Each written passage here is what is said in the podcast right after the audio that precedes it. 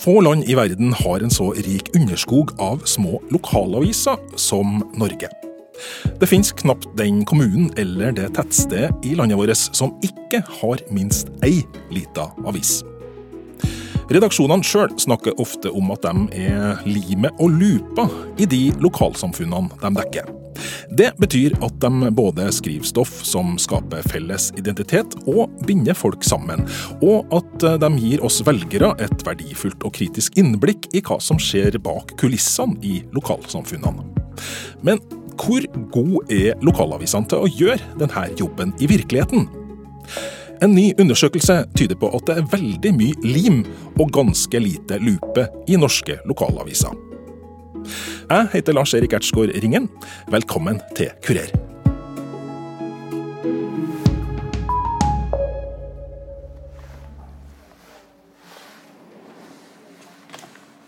Hei. Der var du, ja. Lars Erik. Ja, Alexander.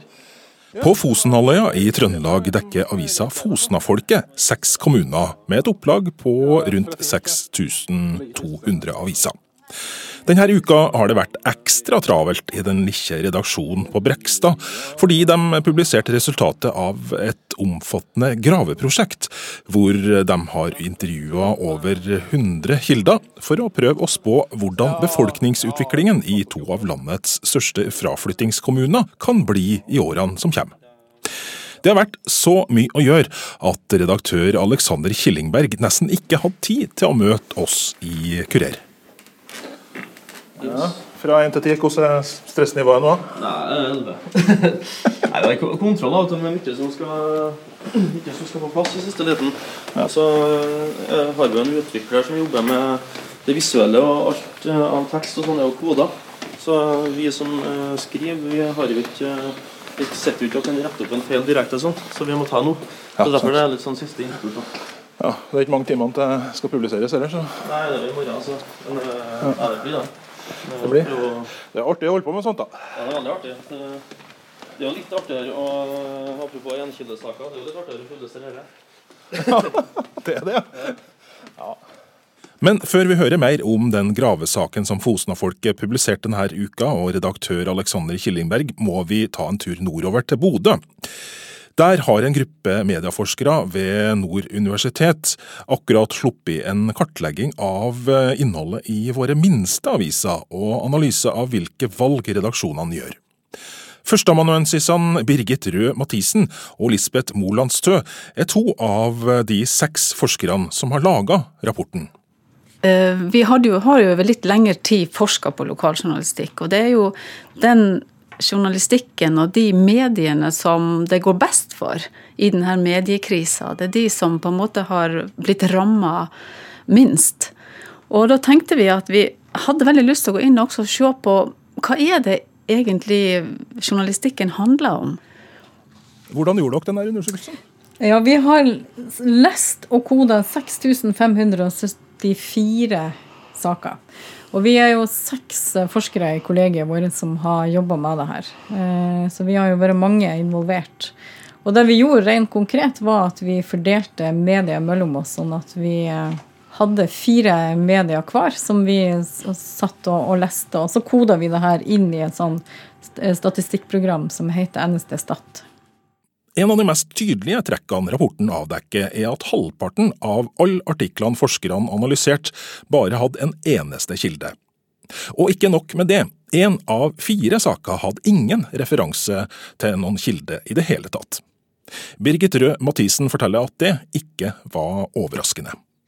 Det stemmer veldig, for så vidt veldig. Så ligger det på samme nivå med flere tidligere studier som har gjort, som har vist sånn enkildeandel på rundt 50, eh, 50% Så den skiller seg i hvert fall ikke veldig ut fra en del sånn tidligere sammenlignbare studier. Røe Mathisen forteller om det andre interessante punktet som undersøkelsen avslørte. Vi har jo òg sett på hvor, eh, hvor, stor andel av journalistikken som kan karakteriseres som kritisk eller undersøkende.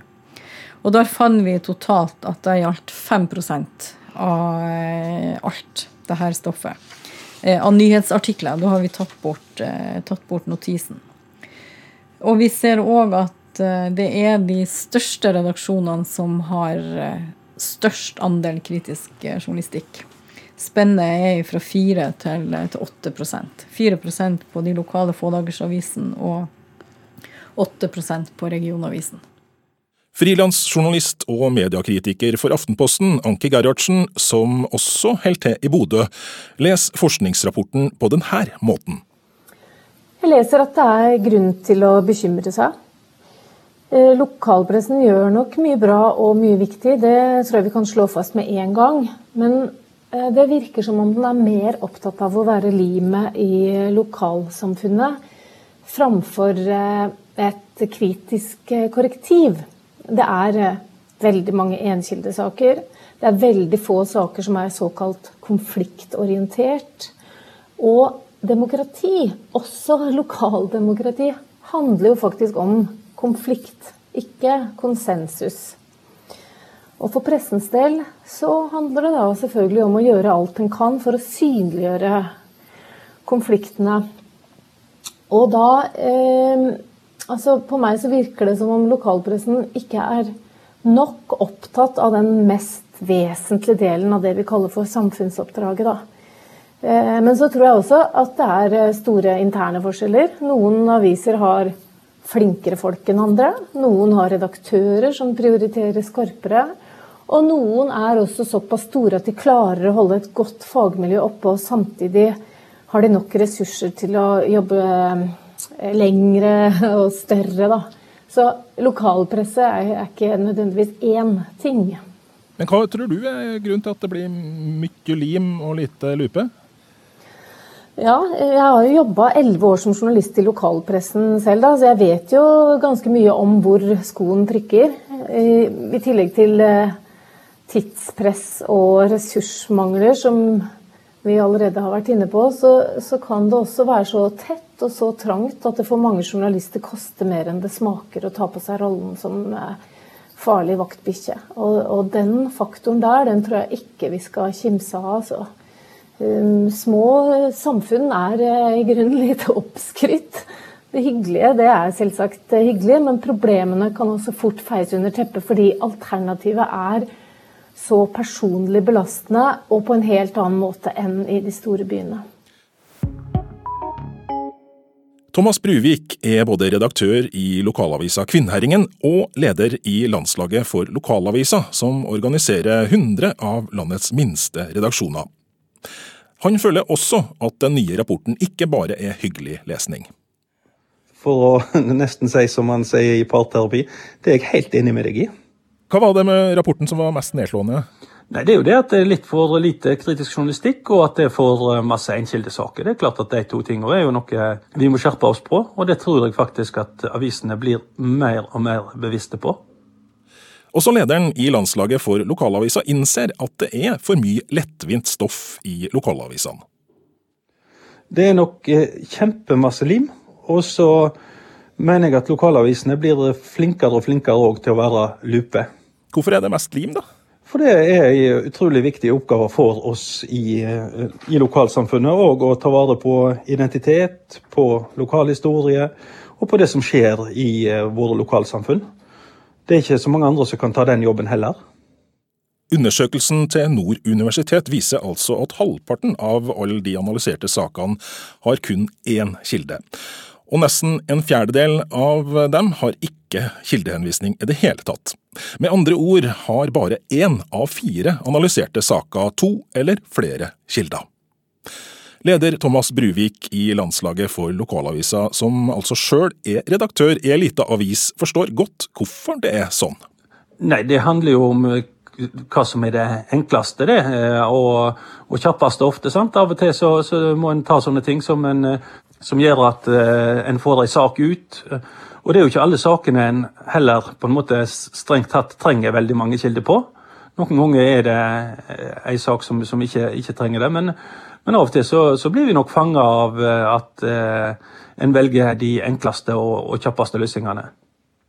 Vi har allerede hørt at det kan være en utfordring å være journalist på et lite sted, fordi du møter de kildene du helst vil være kritisk til, både på butikken, på foreldremøter eller på fotballtreninga.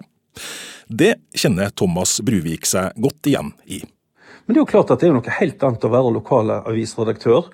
og leve i et samfunn eh, der du bor og jobber og har eh, omgangskrets enn å, å, være i en større avis der du på en måte blir mer skjerma. Så det er, jo, det er, jo, utfordringer med det. Eh, det kan en jo ikke legge skjul på. og da må en jo være, en må være tøff og, og, og våge. Der, ja. Mm. Der er det jo igjen sånne sitatstrekker som vi må få på plass. Yes. Da Det kan jeg rase gjennom etterpå. Hvis jeg får ta de her utheva ja. tekstene nå. Mm. Skal bare scrolle, og så sier du ifra. Det er tirsdag formiddag, og redaktør Alexander Killingberg har sammen med layout-ekspert Ørjan Jørgensen bare noen timer igjen på å legge den siste hånda på høstens store graveprosjekt i lokalavisa Fosnafolket. Denne ene saken er et stort løft for den lille redaksjonen. Vi er sju og et halvt årsverk. Vi har to papiraviser, og så lager vi jo avis hver dag på nett. Så det er et høyt produksjonspress. Hvor mange saker må hver enkelt journalist lage i løpet av en dag for å fylle alle de flatene dere har? Nei, sånn rundt uh, to saker. Én uh, til to. Det er der jeg har lagt til. Så uh, jeg er ikke veldig opptatt av kvantitet. Men klart at når vi skal ha en nettavis hver dag, så må det jo være noe nytt når folk går inn. Og det må være et minimum av oppdateringer. Så derfor så må vi jo lage en del stoff per person. Hvordan vises det i sakene og måten dere løser ting på? Nei, så Med det produksjonsnivået jeg legger opp til da, i Fosenfolket, og hvor mye saker jeg mener vi bør lage, så har vi jo veldig rom til å lage litt grundigere ting. da. Gå litt mer i dybden på ting, sånn som vi nå har gjort med prosjektet om Roan og Osen. Som ikke akkurat er noen gjenkildesak. Der har vi intervjua 108 unge voksne om hva de tenker om å bo i Roan og Osen i framtida. Så vil du ha med ordet prosent også utheva? Nei, jeg tror ikke det. Redaktøren har ikke tall på hvor mange timer det er som har gått med på å gjøre ferdig denne omfattende saken. Det har ikke jeg telt over, da, men jeg har i hvert fall sittet mange kvelder og, og netter for å bli ferdig. så Det blir jo litt sånn. Det er sånn armer og bein, men det er artig. Givende arbeid. Og Det er en fryd å sitte og jobbe med. og Det er enda artigere når du endelig trykker på knappen og publiserer, når det er gjennomarbeida og grundig. Mye artigere det enn å publisere enkildesaker, for å si det sånn. Men hvorfor prioriterer redaktør Alexander Killingberg i Fosnafolket å bruke dyrebare ressurser på ett eneste arbeidskrevende prosjekt på denne måten? Fordi at Jeg mener at det er viktig at Fosnafolket ikke bare dekker Fosen fra dag til dag, for det sier jo seg sjøl at det skal vi jo gjøre, gjøre uansett. Men uh, når vi er en redaksjon på Fosen, og vi er nesten eneste som driver med journalistikk på Fosen, så sier det seg selv at vi bør gjøre litt mer enn å bare dekke Fosen fra dag til dag. Vi bør gå, evne å gå grundigere inn i noe tema og få fram ny informasjon. Det har vi gjort i prosjektet her. Fosnafolkets gravesak, som altså ble publisert tidligere denne uka, har forsøkt å se hvordan befolkningsutviklinga i to av Norges største fraflytningskommuner, Osen og Roan, kommer til å bli de nærmeste årene. Vi har snakka med 108 eh, avgangselever som gikk ut skolen i Roan og Osen eh, i årene 2011 til 2015. Eh, tre av ti av dem bor i Roan og Osen i dag. Eh, blant utflytterne eh, så er de veldig delt i synet på om de vil tilbake til, til Roan Osen. Omtrent halvparten av utflytterne eh, tror det er sannsynlig at de en eller annen gang i livet vil flytte tilbake. Enn det flertallet av dem tror at de vil flytte tilbake når de er over 40. Eh, og så har vi ei gruppe på 34 av 80 som tror at det er lite sannsynlig at de noen gang vil flytte tilbake. Så de er delt i synet. Eh, samtidig så kan man si at i undersøkelsen vår så kommer det fram en del positivt. Det er bare én av tre som stiller seg ganske avvisende til å bo i Roan Osen i framtida. Så det tenker jeg at viser et potensial. Det viser at Roan Osen har et potensial for å få hjem flere av ungene som er ute og studerer. Utgangspunktet for denne utgaven av Kurer er, som du kanskje har fått med deg allerede, en ny undersøkelse fra Nord universitet som bl.a. viser at halvparten av alle de artiklene som ble analysert, kun hadde én kilde. Hva tenker redaktøren i Fosna-folket om akkurat det? Jeg tenker at det er altfor mye. Eh, det er det første. Så jeg tenker at det er mye å gå på. Det er fullt mulig å ha inn flere, i, flere kilder i, i, mange av sakene. Eh, og så tenker jeg at eh, det funnet på en måte er litt sånn selvsagt, for at uh, det er en del stoffområder du har mer av i lokalavis enn du har i region og, og riksaviser. Og Det er jo sånn type kulturarrangement, dekning av sånn små arrangement, som er litt sånn krydder i, i aviser. Uh, der, det, der, jeg tror det fort uh, ender opp med én kilde i stedet for flere. Da. Det er ikke at det må være det, men jeg tenker jo heller ikke at det er noe sånn stor, stort problem akkurat i de sakene, sånn presseetisk, at, at det er bare én kilde. Det viser jo undersøkelser at Eh, at det, det, er mest kulturstoff, kulturstoff der det er gjenkildesaker, og så er det en del krimstoff. Jeg tror da, Hvis jeg skal snakke om Fosnafolket, så er det mye sånn av det type politinotisene, der vi snakker med politiet om hva som har skjedd siste døgn. Elg påkjørt eh, i Ressa. Der er det ofte en kilde. Og det er ofte en kilde på forhåndssakene. Og så tenker jeg at Lokalavisene har veldig mye å gå på når det gjelder å bruke ekspertkilder, f.eks. nyhetssaker. Det å bruke caser. altså Skriver vi om eiendomsskatt i, i Bjugn, så må vi eh, ta oss tida til å dra hjem til et ungt par som kjøpte seg bolig, og hva de mener. også. der tror jeg det er mye å gå på i lokalavisene. Og hva tenker redaktøren om at undersøkelsen viser at bare fire av 100 artikler i de aller minste avisene er kritisk journalistikk? Vi har jo et samfunnsoppdrag som eh, lokalavis. Det er viktig at eh, avisene er kritiske til, til makta. Det er litt av grunnlaget for at vi er til. Så det tenker jeg bare er altfor lite. Vi har sikkert mye å gå på der vi er på Fosen. Men hva tror eh, Alexander Killingberg i Fosna-folket er årsaken til at det er såpass lite kritisk journalistikk og så mange enkle enkildesaker i de minste avisene? Noe nå kan sikkert være tidspress. Eh, det kjenner vi jo på på Fosna, det kjenner man på overalt. Og så er det klart at Når man jobber i lokalavis, så er man veldig tett på det samfunnet man lever i. Det tenker jeg først og fremst er sunt. Det er sunt at man kan møte på den man har skrevet om på butikken. Jobber man i en større avis, så slipper man det. Eh, jeg tror at den nærheten til kildene er først og fremst eh, et sunnhetstegn. Eh, og så må man da evne å være ryddig i de relasjonene man har til kildene, sånn at man ikke blir for gode venner, og sånn at, man, at det føles eller at det blir vanskelig å skrive kritisk. Da. For sånn kan det ikke bli. Men jeg føler ikke at det er sånn til oss på Fosen. Redaktør Alexander Killingberg i Fosnafolket tror eh, han og de andre redaktørene i disse avisene må bli mer bevisst på balansen mellom kvalitet og kvantitet i framtida. Jeg tenker at man kan tillate seg å tenke litt mindre kvantitet. da.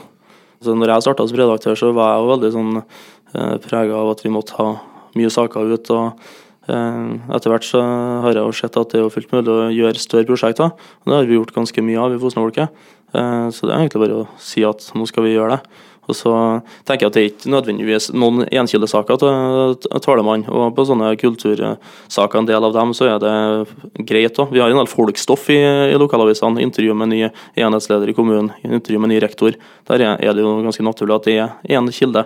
Så kan man eh, tillate seg å bare si at nå blir det litt mindre saker i to uker, og så går vi grundig inn i en annen sak. Men hva med denne ukas store og arbeidskrevende sak? Har den ført til at leserne har fått mindre av eh, de andre artiklene? Eh, det har ikke gått utover dekninga av noen andre saker, det vil jeg ikke si. Vi har klart å dekke det òg, men det har blitt litt mindre, mindre artikler i en sånn to-tre ukers tid. Når kommer neste graveprosjekt i Fosna-folket? Jeg har jo som mål at vi alltid skal ha et um, større prosjekt gående, i tillegg til det daglige vi driver på med. Så, så det er jo målet fortsatt. Det. Så uh, I hvert fall neste år en gang. Uh, om det blir til sommeren eller om det blir utpå høsten, det vet jeg ikke. Men, uh, men det blir neste år, ja. Thomas Bruvik, som er leder i landslaget for lokalavisa og redaktør i Kvinnherringen, syns det er spennende at det ikke ikke bare er de store redaksjonene i Oslo som satser på gravende journalistikk, men innrømme at det ikke er dagligdags med prosjekter som det i Fosna-folket. Det er nok ikke vanlig journalistikk. Det blir vel å, å, å dra det for, for langt. For det, det, må jo være tidkrevende og, eh, og koste mye å gjøre det. Men jeg syns det er fantastisk med alle som gjør sånne prosjekt som er litt utenom det vanlige. Og vi i avisen har jo nå òg en større mulighet til å gjøre sånt, bl.a. med bedre støtteordninger, noe mer bevisst på at en kan søke fritt ord om penger til gravejournalistikk, eller la eh, veldig bevisst på gravejournalistikk og, og, få medlemmene pushe de på at nå må dere søke om prosjekt. Vi prøver så godt vi kan hele tida. Vi har to, eh, to, ganger i år fått eh, støtte fra Fritt Ord til å grave, og, og det er Det gjør at vi kan frigjøre journalister til å bare jobbe med graveprosjekt. Professor Lisbeth Molandstø ved Nord universitet i Bodø forteller at de, etter at de analyserte innholdet i norske aviser, også har gjort en oppfølging, der de har intervjua journalister i landets minste aviser. Og denne Undersøkelsen viser at Fosna-folket ikke er helt unik når de velger å gjøre omfattende graveprosjekt.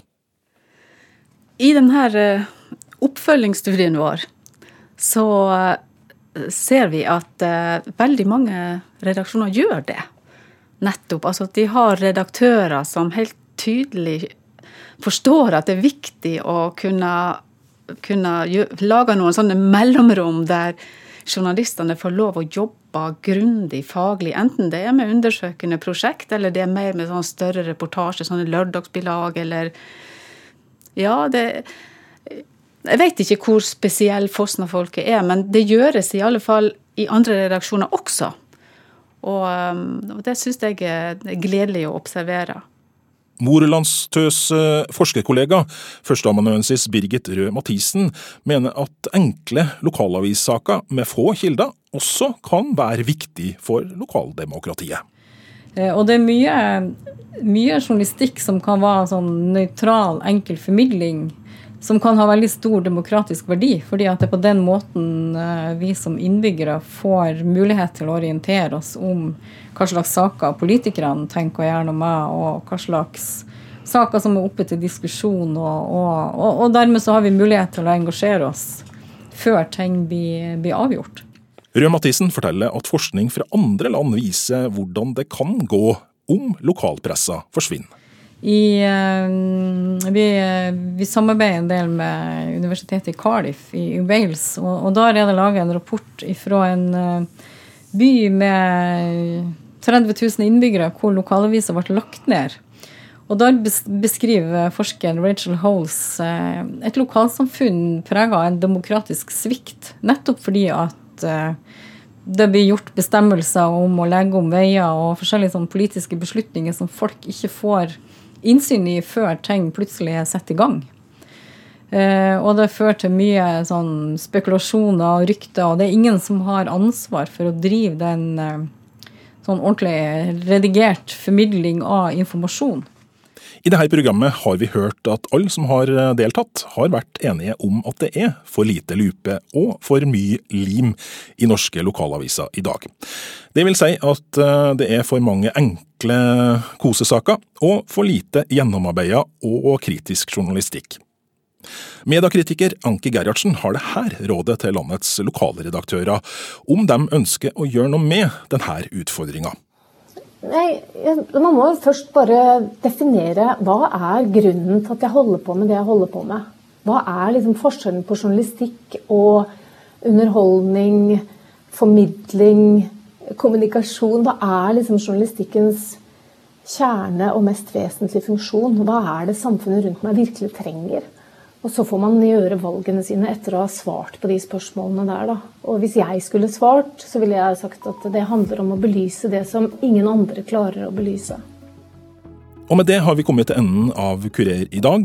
Om du har en kommentar til dette programmet, eller tips til ting vi bør se nærmere på i framtida, kan du sende oss en e-post på adressen kurer, alfakrøll. Jeg heter Lars Erik Ertsgaard Ringen. Ha en fortsatt fin lørdag.